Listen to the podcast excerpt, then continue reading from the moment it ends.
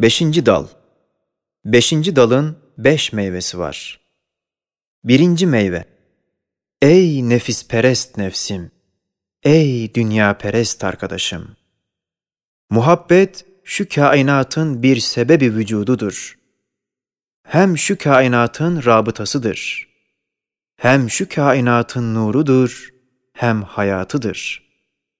İnsan kainatın en cami bir meyvesi olduğu için kainatı istila edecek bir muhabbet o meyvenin çekirdeği olan kalbine derc edilmiştir. İşte şöyle nihayetsiz bir muhabbete layık olacak, nihayetsiz bir kemal sahibi olabilir. İşte ey nefis ve ey arkadaş, insanın havfe ve muhabbete alet olacak iki cihaz fıtratında derc olunmuştur. Ala külli hal o muhabbet ve havf ya halka veya Halık'a müteveccih olacak. Halbuki halktan havf ise elin bir beliyedir. Halka muhabbet dahi belalı bir musibettir. Çünkü sen öylelerden korkarsın ki sana merhamet etmez veya senin istirhamını kabul etmez. Şu halde havf elin bir beladır. Muhabbetse sevdiğin şey ya seni tanımaz, Allah'a ısmarladık demeyip gider. Gençliğin ve malın gibi. Ya muhabbetin için seni tahkir eder. Görmüyor musun ki mecazi aşklarda yüzde doksan dokuzu maşukundan şikayet eder. Çünkü Samet aynesi olan batını kalple sanem misal dünyevi mahbuplara perestiş etmek, o mahbupların nazarında sakildir ve istiskal eder, reddeder.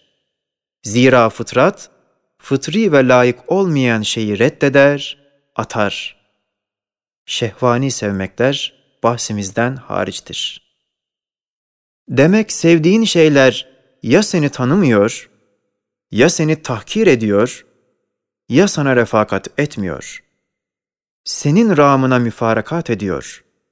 Madem öyledir, bu havf ve muhabbeti öyle birisine tevcih et ki, senin havfın lezzetli bir tezellül olsun. Muhabbetin zilletsiz bir saadet olsun. Evet, Halık-ı Zülcelal'inden havf etmek, onun rahmetinin şefkatine yol bulup iltica etmek demektir. Havf bir kamçıdır. Onun rahmetinin kucağına atar. Malumdur ki bir valide mesela bir yavruyu korkutup sinesine celbediyor. O korku o yavruya gayet lezzetlidir. Çünkü şefkat sinesine celbediyor.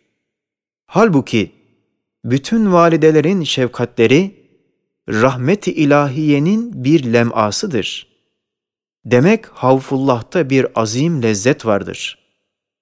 Madem havfullah'ın böyle lezzeti bulunsa, muhabbetullah'ta ne kadar nihayetsiz lezzet bulunduğu malum olur. Hem Allah'tan havfeden, başkaların kasavetli, belalı havfından kurtulur. Hem Allah hesabına olduğu için, mahlukata ettiği muhabbet dahi firaklı, elemli olmuyor. Evet, insan evvela nefsini sever. Sonra akaribini, sonra milletini, sonra zihayat mahlukları, sonra kainatı, dünyayı sever. Bu dairelerin her birisine karşı alakadardır. Onların lezzetleriyle mütelezziz ve elemleriyle müteellim olabilir.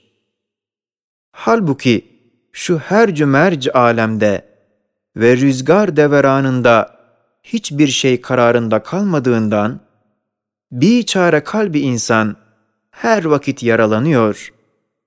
Elleri yapıştığı şeylerle o şeyler gidip ellerini paralıyor, belki koparıyor. Daima ızdırap içinde kalır yahut gafletle sarhoş olur. Madem öyledir, ey nefis, aklın varsa bütün o muhabbetleri topla, hakiki sahibine ver, şu belalardan kurtul. Şu nihayetsiz muhabbetler, nihayetsiz bir kemal ve cemal sahibine mahsustur. Ne vakit hakiki sahibine verdin, o vakit bütün eşyayı onun namıyla ve onun aynesi olduğu cihetle ızdırapsız sevebilirsin. Demek şu muhabbet, doğrudan doğruya kainata sarf edilmemek gerektir. Yoksa muhabbet, en leziz bir nimetken, en elim bir nıkmet olur. Bir cihet kaldı ki, en mühimmi de odur ki, ey nefis, sen muhabbetini kendi nefsine sarf ediyorsun. Sen kendi nefsini kendine mabut ve mahbub yapıyorsun. Her şeyi nefsine feda ediyorsun, adeta bir nevi rububiyet veriyorsun. Halbuki muhabbetin sebebi ya kemaldir, zira kemal zatında sevilir. Yahut menfaattir, yahut lezzettir veyahut hayriyettir, ya bunlar gibi bir sebep tahtında muhabbet edilir. Şimdi ey nefis! Birkaç sözde kat'i ispat etmişiz ki, asıl mahiyetin kusur, naks, fakr, aczden yoğrulmuştur ki, zulmet karanlığın derecesi nispetinde nurun parlaklığını gösterdiği gibi, zıddiyet itibariyle sen, onlarla Fatır Zülcelal'in kemal, cemal, kudret ve rahmetine aynadarlık ediyorsun. Demek ey nefis, nefsine muhabbet değil, belki adavet etmelisin veyahut acımalısın veyahut mutmainne olduktan sonra şefkat etmelisin. Eğer nefsini seversen, çünkü senin nefsin lezzet ve menfaatin menşeidir, sen de lezzet ve menfaatin zevkine meftunsun. O zerre hükmünde olan lezzet ve menfaat nefsiyeyi nihayetsiz lezzet ve menfaatlere tercih etme. Yıldız böceği gibi olma. Çünkü o, bütün ahbabını ve sevdiği eşyayı karanlığın vahşetine gark eder, nefsinde bir lemacıkla iktifa eder. Zira nefsi olan lezzet ve menfaatinle beraber, bütün alakadar olduğun ve bütün menfaatleriyle intifa ettiğin, ve saadetleriyle mes'ud olduğun mevcudatın ve bütün kainatın menfaatleri, nimetleri, iltifatına tabi bir mahbubu ezeliyi sevmek deyin lazımdır. Ta hem kendinin hem bütün onların saadetleriyle mütelezziz olasın. Hem kemal mutlakın muhabbetinden aldığın nihayetsiz bir lezzeti alasın. Zaten sana, sende senin nefsine olan şiddet muhabbetin, onun zatına karşı muhabbet zatiyedir ki, sen suistimal edip kendi zatına sarf ediyorsun. Öyleyse nefsindeki eneyi yırt, hüveyi göster ve kainata dağınık bütün muhabbetlerin onun esma ve sıfatına karşı verilmiş bir muhabbettir. Sen suistimal etmişsin, cezasını da çekiyorsun. Çünkü yerinde sarf olunmayan bir muhabbet gayrimeşruanın cezası merhametsiz bir musibettir. Rahmanur Rahim ismiyle hurilerle müzeyyen cennet gibi senin bütün arzularına cami bir meskeni, senin cismani hevesatına ihzar eden ve sair esmasıyla senin ruhun, kalbin, sırrın, aklın ve sair letaifin arzularını tatmin edecek ebedi ihsanatını o cennette sana müheyya eden ve her bir isminde manevi çok hazineyi ihsan ve kerem bulunan bir mahbubu ezeliğinin elbette bir zerre muhabbeti kainata bedel olabilir. Kainat onun bir cüz'i tecelli-i muhabbetine bedel olamaz.'' Öyleyse o mahbub-ı ezeliğinin kendi Habibine söylettirdiği şu ferman-ı ezeliyi dinle, ittiba et. İn kuntum tuhibbunallaha fettebi'uni yuhbibkumullah. İkinci meyve. Ey nefis!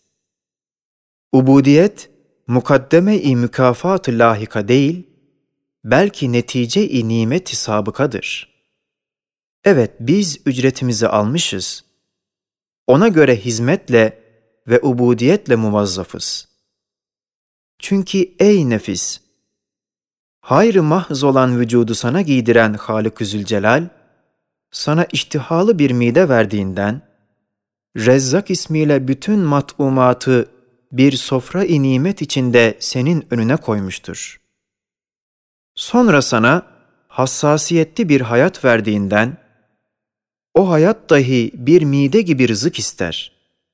Göz, kulak gibi bütün duyguların eller gibidir ki, ruh zemin kadar geniş bir sofrayı nimeti o ellerin önüne koymuştur. Sonra manevi çok rızık ve nimetler isteyen insaniyet sana verdiğinden, alemi mülk ve melekut gibi geniş bir sofra-i nimet, o mide-i insaniyetin önüne ve aklın eli yetişecek nispette sana açmıştır. Sonra nihayetsiz nimetleri isteyen ve hadsiz rahmetin meyveleriyle tekatti eden ve insaniyet-i kübra olan İslamiyeti ve imanı sana verdiğinden, daire-i mümkinatla beraber Esma-i Hüsna ve sıfat-ı mukaddesenin dairesine şamil bir sofra-i nimet ve saadet ve lezzet sana fethetmiştir. Sonra imanın bir nuru olan muhabbeti sana vermekle, gayr mütenahi bir sofra-i nimet ve saadet ve lezzet sana ihsan etmiştir. Yani cismaniyetin itibariyle küçük, zayıf, aciz, zelil, mukayyet, mahdut bir cüzsün. Onun ihsanıyla cüz'i bir cüzden külli bir külli nurani hükmüne geçtin. Zira hayatı sana vermekle cüz'iyetten bir nevi külliyete ve insaniyeti vermekle hakiki külliyete ve İslamiyeti vermekle ulvi ve nurani bir külliyete ve marifet ve muhabbeti vermekle muhit bir nura seni çıkarmış. İşte ey nefis, sen bu ücreti almışsın. Ubudiyet gibi lezzetli, nimetli, rahatlı, hafif bir hizmetle mükellefsin. Halbuki buna da tembellik ediyorsun. Eğer yarım yamalak yapsan da güya eski ücretleri kafi gelmiyormuş gibi çok büyük şeyleri mütahakkimane istiyorsun. Ve hem niçin duam kabul olmadı diye nazlanıyorsun. Evet, senin hakkın naz değil, niyazdır. Cenab-ı Hak, cenneti ve saadeti ebediyeyi mahsı fazlu keremiyle ihsan eder. Sen daima rahmet ve keremine iltica et. Ona güven ve şu fermanı dinle. قُلْ بِفَضْلِ اللّٰهِ وَبِرَحْمَتِهِ فَبِذَٰلِكَ فَلْيَفْرَحُوا هُوَ خَيْرٌ مِمَّا يَجْمَعُونَ